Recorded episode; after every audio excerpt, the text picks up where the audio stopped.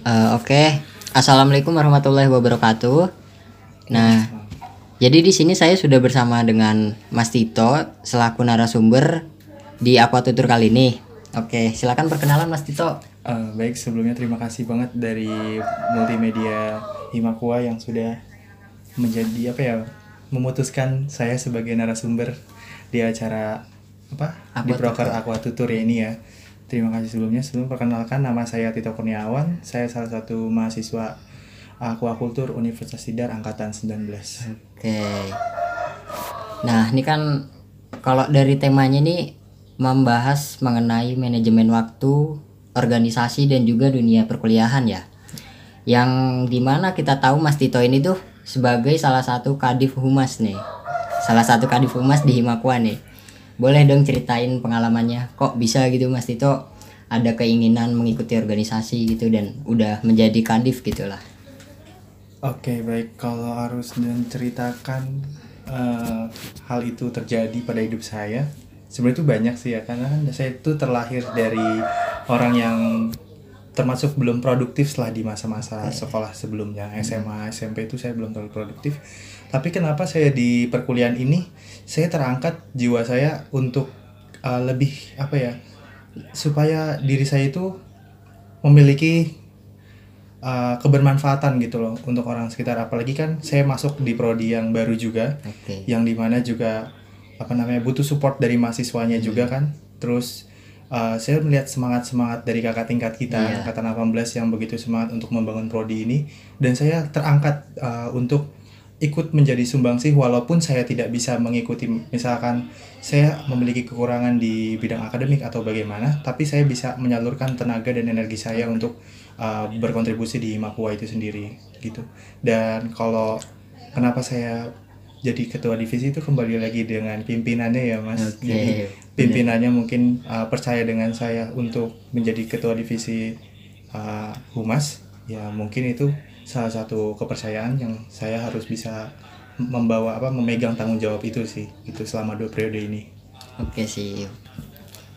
Nah mengenai eh, organisasi nih ya, kan kita tahu juga Mas Tito apa di apa dikenal gitu ya oleh teman-teman itu Mas Tito tuh sebagai mahasiswa yang aktif nih. Nah kalau boleh tahu nih ya, apa aja sih yang eh, Mas Tito ikutin gitu kan? Kayak organisasinya itu selain Himakua misal. Oke, jadi kalau untuk organisasi yang saya laku, eh, jalani selagi, selain Himakua itu ada Himapikani, Himpunan Mahasiswa Perikanan Indonesia yang ada di wilayah 3. Saya di situ menjadi anggota dari divisi Danus eh, selama dua periode, eh, apa dua satu periode selama dua tahun berja- eh, berjalannya. Dan selain dari itu, saya itu mengikuti kewirausahaan prodi juga, prodi aquaculture yang di mana kita uh, dituntut untuk belajar uh, menjadi wirausaha uh, di bidang perikanan dan ya salah satu apa ya membangun prodi juga ya Uh, di situ juga kita harus membuat produk yang di mana kita juga lagi progres untuk membuat produk itu menjadi luncuran dari prodi aquaculture itu sendiri sih gitu. Oke. Ngomong-ngomong soal produk nih ya, kalau untuk produk di KWU itu contohnya itu seperti apa sih? Oke, kalau untuk produk eh, yang mungkin lebih yang kita lakuin di kewirausahaan prodi dulu kali ya, eh, Mas Mas Ivan. Jadi kita tuh di situ melakukan kegiatan apa ya jual beli ikan, melakukan kegiatan budidaya. Nah sekarang ini kita menjalankan sudah apa ya memijah ikan gupi juga. Di sini kita juga berusaha untuk nyoba ikan yang lain yaitu ikan Oscar. Ini kita lagi berusaha untuk memijahnya karena itu agak sulit ya sampai sekarang juga belum ada progres ke depannya. Apa ya? Ya lagi di treatment lah untuk Oke. supaya lebih bagus lagi. Dan kalau untuk produk pengeluaran ini kita akan meluncurkan produk yang produk makanan. Nah, nah itu belum bisa saya sebutkan untuk sekarang karena kan belum, ada launching. eh, belum ada spoiler lah Jangan, tapi spoilernya berarti ini nanti KWU bakal ada ngeluarin Produk. produk makanan gitulah spoilernya seperti itu Benar. nah ngomong-ngomong tadi soal himapikani nih ya eh untuk himapikani tadi kan kalau nggak salah di wilayah tiga gitu kan wilayah tiga yang di mana itu daerah Jateng dan DIY gitu. Terus eh apa sih namanya? Kalau dari Mas Tito sendiri itu kontribusi te- terbesar di Himapikan itu seperti apa gitu? Eh, kontribusi terbesar ya? Uh, mungkin lebih kenapa ya? Karena saya masuk di periode corona. Jadi selama dua tahun ini kita menjalani saya via online. Jadi nah ada beberapa broker yang saya juga di situ memegang apa ya tanggung jawab juga lah. Ya kalau ibaratnya ditanya tanggung jawab besarnya ke sana ya pasti kita mengikuti prosedur yang di sana ya. Uh, kalau misalnya ada acara pun kita juga mengikuti dengan baik. Ada program-program atau proker-proker yang kita pegang ya harus menjalankan dengan baik juga. Karena kan itu juga membawa nama baik uh, prodi aquaculture itu sendiri yang menjadi LKP yang sekarang dia menjadi Iya, LKP tetap udah gitu. LKP tetap benar. Nah kan banyak lah ya yang udah diikutin Mas Tito tuh contohnya kayak eh, apa sih namanya? Himakua terus Himapikani ada juga ke KWU dan setauku juga Mas Tito juga jadi ini kan jadi asisten praktikum juga gitu kan. Hmm. jadi asisten praktikum di teologi gitu. Nah gimana sih itu cara Mas Tito gitu mengatur waktunya gitu manajemen waktu dari setiap kegiatan tersebut gitu kan? Yang kita tahu itu untuk mahasiswa yang ibaratnya belum terbiasa kan udah kayak banyak banget gitu loh kegiatannya. Oke, Eh, sebenarnya kalau untuk memanajemen waktu itu kembali lagi ke penanggung jawab diri kita dulu ya. Kita mengambil sebuah tindakan itu kan berarti ada konsekuensinya, yaitu eh, ibaratnya pasti capek lah kalau untuk mengambil kayak program apa kayak kegiatan-kegiatan di luar kayak contohnya organisasi, menjadi asisten praktikum, terus apalagi kewirausahaan yang harus bolak-balik nyari ikan, ya kan harus ngerawatin dan sebagainya itu ya le- lebih ke apa ya komitmen diri saya sih kenapa saya mengambil tindakan itu? Ya contohnya karena saya sa- apa ya di usia muda ini mumpung masih bisa kuat untuk ber, apa produktif lah. Dan itu juga menjadi salah satu sumbangsih uh, kita untuk mengabdi kepada prodi juga untuk mengupgrade diri kita menjadi lebih kualitasnya lebih meningkat lah dengan menyibukkan diri bisa mengkonsis apa ya supaya itu kita ke depannya ada bekal untuk uh, menjadi orang yang lebih profesional dalam mengerjakan tugas. Nah, di situ untuk memanajemen waktu selagi waktu itu tidak bermepet dengan jadwal-jadwal perkuliahan, nah, itu saya akan ambil. Pasti kan uh, untuk jam kayak misalkan organisasi, uh, asisten praktikum itu kan mencari waktu yang di mana tidak bentrok dengan uh, kegiatan perkuliahan gitu. Oke, berarti cari waktunya gitu ya pinter-pinter cari waktunya Ya, ya gitu. pintar-pintar karena kan semuanya juga kalau misalnya dibilang prioritas semuanya diprioritasin Iya gitu. Tapi tinggal kita aja ngatur waktunya. Ya benar sih namanya juga udah memegang tanggung jawab gitu kan ya. Harus eh, berpegang teguh gitu atas kegiatan yang dilakukannya. Benar. Dan eh, dari dari sekian banyak apa namanya kegiatan itu kan juga ada konsekuensinya kayak eh, contohnya kayak Mas Tito nih kan termasuk perantauan kan Iya. yang dari luar Jawa lah, dari daerah Jabodetabek gitu kan. Iya Nah, benar. gimana sih rasanya Mas Tito gitu kalau Mas Tito udah banyak kegiatan terus jarang pulang apa rasanya gitu gimana? Oke baik. Kalau untuk rasa pasti sama lah ya sama anak perantauan yang lainnya. Pengen pulang juga. Pengen apa kayak bersama apalagi di bulan puasa ini kan. Iya benar. Jauh sama keluarga. Uh, Sebenarnya sih itu lebih kayak persetujuan dari orang tua juga ya. Karena saya juga didukung oleh orang tua saya. Yang di mana apa pun progres kamu, apa target hidup kamu ini kan sekarang udah di diri kita sendiri ya. Hmm. Kita yang menentukan jalan kita ke depannya. Nah, ini adalah salah satu jalan saya untuk mencapai titik apa yang saya mau. Orang tua saya menyetujui. Nah, itu uh, pasti kan ada konsekuensinya. Ya mau nggak mau kita juga harus berkorban waktu. Iya. Mau nggak mau kita juga harus waktu ada keluarga juga ada. Iya. Tapi pasti kayak punya tanggung jawab di sini lebih besar. Ya mau nggak mau kita harus uh, apa ya mengalah gitu. Jadi apalagi di bulan puasa ini kita uh, aku itu nggak pulang Iya. nggak pulang karena ada beberapa kegiatan yang harus aku apa ya turun tangan juga lah gitu di situ jadi ya lebih baik daripada saya pulang kegiatan di sini tanggung jawab saya di sini terbengkalai kan salah satu apa ya ketidak bertanggung jawabnya lah saya kalau misalnya saya Iya udah sih, membuat benar. tindakan itu tapi saya malah pergi Hmm. dari kewajiban itu nah saya nggak mau jadi orang yang kayak gitu sih Iya. karena itu kan mengecewakan orang lain juga gitu Iya, malah jatuhnya nanti ngeghosting satu prodi nanti. nah iya tuh Nah, terus ngomong-ngomong soal pandemi juga nih kan ya. Eh, untuk kegiatan-kegiatannya sendiri tuh menurut Mas Tito gimana sih pendapatnya? Apakah kegiatannya ini agak menyulitkan atau menyenangkan atau bagaimana gitu? Oke, justru yang adanya pandemi ini uh, saya lebih tertolong malah. Nah jadi kan kayak uh, perkuliahan itu secara online jadi uh, saya sambil kuliah sambil ngerjain kegiatan-kegiatan yang lainnya. Mungkin kayak lebih ke kewirausahaan prodi atau bisa gituin himpunan atau proker-proker yang ada di wilayah. Nah itu jadi lebih apa ya ya terbantu. Kalau semisalnya nggak ya kita nggak mau lah ada pandemi ini ya semisalnya. Tapi kalau misalnya saya nggak ada pandemi ini mungkin saya akan lebih capek lagi dan sering ke mana apa ya kayak pergi-pergian lah Iya, gitu. bener. kan kalau di sini kan masih kegiatannya di kam- apa di kosan tapi tetap produktif masih dibatasi gitu lah masih ya dibatasi. Masih dibatasi. Masih bisa istirahat lah. Nah, benar sih benar. Jadi walaupun pandemi juga nggak semuanya negatif gitu lah Iya, ya. benar. ada hal positifnya juga. Walaupun sedikit menyusahkan lah. Sedikit menyusahkan kalau untuk beraktivitas ya gitu. Benar. Justru uh, di pandemi ini bukan berarti kita kayak males-malesan malah ada waktu luang yang harus kita pergunakan supaya lebih bermanfaat gitu loh. Kadang ada yang bilang kalau pandemi ah ini nggak pandemi jadi gue di rumah aja dan sebagainya. Jadi dia tuh ya udah kerjanya di rumah aja. Justru malah ada waktu kosong itu men- untuk upgrade diri kita sendiri Iya. gitu.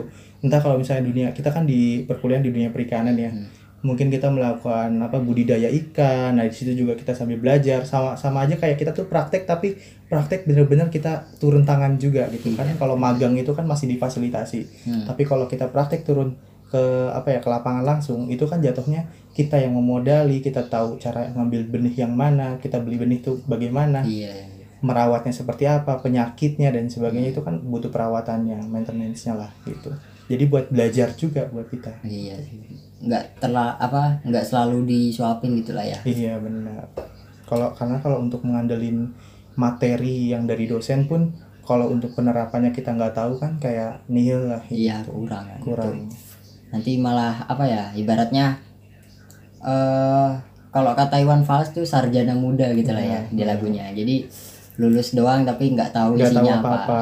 Hmm, gitu. Ya ini yang ditakutkan mungkin dari instansi-instansi eh, mengenai pengeluaran mahasiswa jalur corona atau kayak ya mungkin kita juga kamu tahu lah kamu juga anak himpunan ada beberapa mahasiswa baru juga yang attitude-nya yang Ya, ya, iya. yang seharusnya tidak ada di situ Benar-benar. tapi uh, orangnya seperti itu jadi kayak inilah salah satu efek dari pandemi gitu loh kurangnya didikannya juga gitu serba online serba online gitu serba online emang benar iya.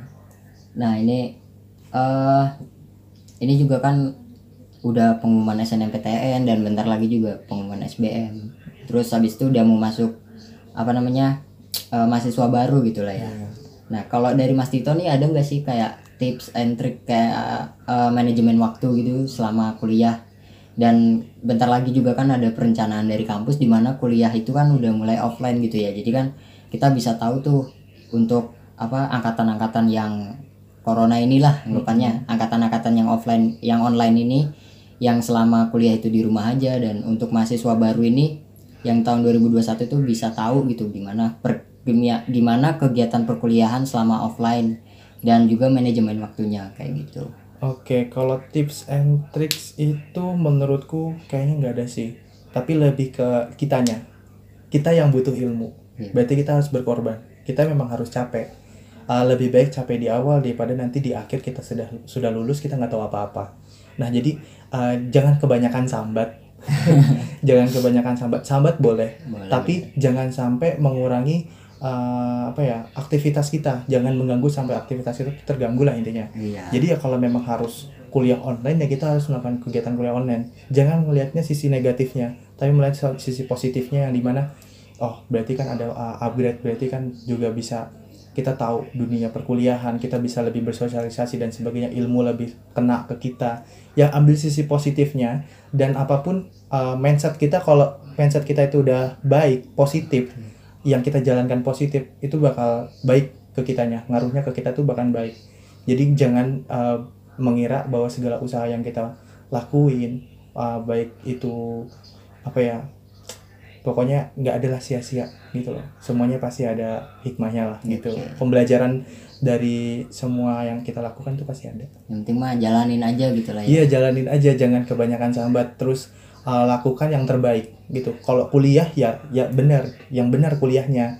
Kalau untuk organisasi ya lo harus bisa uh, organisasi itu dengan baik ngelakuinnya gitu. Jangan setengah-setengah gitu. Jangan uh, kamu ngelakuin hal itu karena formalitas karena supaya namamu terkenal. Kalau misalnya organisasi kebanyakan kayak gitu Iya. ya kita lihat Yang alasan-alasan mahasiswa-mahasiswa yang mau masuk himpunan kata biar terkenal dan sebagainya. Ya itu bukan salah satu upgrade dari diri kita gitu sebenarnya. Itulah nilai bonusnya lah. Kalau terkenal itu pasti nilai bonusnya. Tapi lebih ke kita upgrade diri kita dulu gitu. Nah, berarti untuk organisasi ini apa ibaratkan kayak eh, sangat bukan sangat ya kayak direkomendasikan untuk mengupgrade diri kita Iya, di dunia perkuliahan gitu kan. Dan juga ini untuk menyiapkan karir kita di ke depannya gitu. Jadi Benar. untuk mahasiswa mahasiswa yang ibaratnya mahasiswa baru lah ya buat nanti itu organisasi itu jangan sungkan lah jangan males-malesan. Ataupun kuliahnya juga jangan males-malesan. Dan kalau misal kuliah pun jangan cuma sekedar masuk kelas selesai pulang masuk kelas selesai pulang tuh ya setidaknya adalah waktu gabut kalian untuk misalnya kayak di aquaculture tuh kalian beli sepasang gupi terus ternak sendiri gitu ternak kan iseng-iseng. Karena apa ya untuk ilmu dan praktek tuh bener-bener nggak bisa disamakan kepada setiap orang gitu. Banyak yang tahu ilmu belum tentu tahu praktek kayak Iya, gitu sih. benar. dan aku juga kalau misalnya boleh menitip pesan untuk mahasiswa-mahasiswa baru yang uh, akan masuk dunia perkuliahan uh, ikutilah organisasi. Kenapa? Karena menurut saya organisasi itu uh, membuat diri saya itu lebih profesional. Lebih profesional yang di mana kita harus ngadepin orang-orang yang karakternya itu A B C D Z sampai banyak lah. Kita juga harus bisa memahami itu. Kita harus bisa mengutarakan pendapat gitu kan. Kita belajar di situ juga uh, memanajemen waktu yang uh, tahu di mana kita tuh bekerja di bawah tekanan lah intinya. Iya, ibarat kita kan harus target uh, acara harus selesai dan sebagainya. Itu adalah salah satu kepuasan sendiri yang di mana ketika kita sudah melakukan itu semua Iya. gitu. Dan itu banyak banget pembelajaran di dunia organisasi. Bukan berarti kadang orang yang nggak mau organisasi itu bilangnya kayak ah capek jadi budaknya kampus. Enggak. Sebenarnya orang kalau mau sukses pasti harus susah dulu sih gitu. Iya. kita harus tahu dulu dari bawah kita harus tahu dulu uh, caranya dipimpin baru menjadi orang seorang yang memimpin gitu kan. Nah itu salah satu pesan buat teman-teman mahasiswa baru supaya lebih produktif di dunia perkuliahan gitu. oke ya mungkin segitu aja sih ngobrol-ngobrol untuk aku Iya. tutor kali ini ya teman-teman. Eh mungkin dari saya sih udah lah ya. Kalau untuk pembahasan kali ini mungkin kalian bisa dengar lagi di podcast selanjutnya di aku tutor selanjutnya. Assalamualaikum warahmatullahi wabarakatuh. Sampai jumpa di episode selanjutnya. Bye bye